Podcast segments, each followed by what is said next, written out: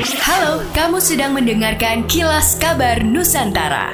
Podcast persembahan KG Radio Network menyajikan berita harian yang mengangkat keunikan dari berbagai wilayah Indonesia.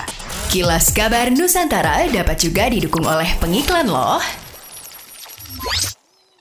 Polrestabes Palembang bersama pemerintah kota Palembang hari ini secara resmi melaunching Kampung Tertib Lalu Lintas yang berlokasi di Kecamatan Ilir Barat 2 Palembang. Dibentuknya Kampung Tertib Lalu Lintas sendiri merupakan upaya Polrestabes Palembang dan pemerintah kota Palembang dalam mengedukasi masyarakat agar tertib berlalu lintas. Sekretaris Kota Palembang Ratu Dewa mengapresiasi upaya yang dilakukan Polrestabes Palembang dalam memberikan edukasi kepada masyarakat. Salah satu program yang dihadirkan dalam Kampung Tertib Lalu Lintas adalah menginformasi menginformasikan kepada masyarakat terkait hal apa saja yang mesti dilakukan ketika berlalu lintas.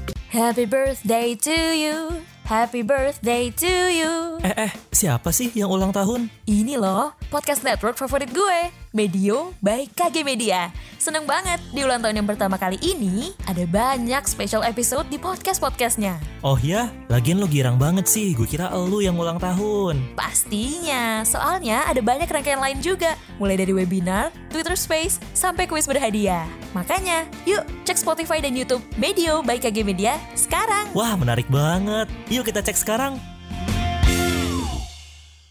Balai Besar Pengawasan Obat dan Makanan BPOM di Makassar menemukan sebanyak 32.797 produk ilegal mengandung zat berbahaya. Kepala BPOM Hardaningsi mengatakan hal itu berdasarkan hasil pantauan hingga Juni 2022. Barang berupa kosmetik, obat, pangan olahan, dan suplemen kesehatan. Nilainya ditaksir mencapai 747 juta lebih. Terkait temuan tersebut, BPOM melakukan fungsi pembinaan dengan melakukan teguran dan peringatan agar pelaku usaha tidak mengedarkan produk yang tidak memenuhi ketentuan dan mengandung bahan berbahaya. Hardaningsi menyebut pelanggaran yang disangkakan kepada para pelaku yang memproduksi dan mengedarkan obat dan kosmetik ilegal yaitu pasal 196 Undang-Undang Nomor 36 Tahun 2009 tentang Kesehatan. Ancamannya berupa pidana penjara paling lama 10 tahun dan denda paling banyak 1 miliar rupiah. Selain itu pelaku juga dapat terkena pasal 60 Undang-Undang Nomor 11 Tahun 2020 tentang Cipta Kerja dengan ancaman pidana penjara paling lama 15 tahun dan denda paling banyak 1,5 miliar. Bepom saat ini menyediakan layanan pengaduan konsumen konsumen melalui nomor telepon seluler dan pelapor dijamin kerahasiaannya. Adapun pengecekan produk yang sudah terdaftar bisa diketahui melalui pemanfaatan aplikasi Bepom Mobile.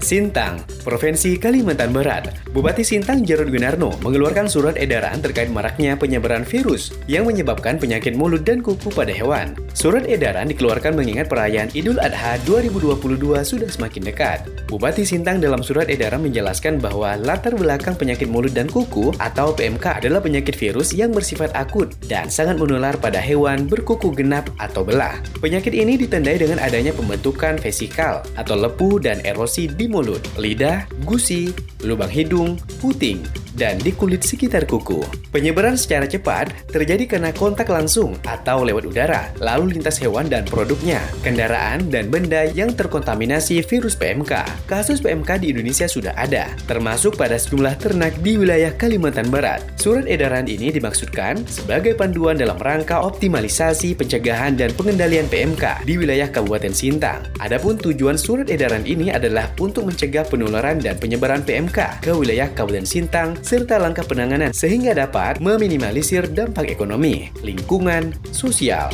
dan budaya akibat angka kesakitan dan kematian oleh PMK. Demikianlah kilas kabar Nusantara malam ini.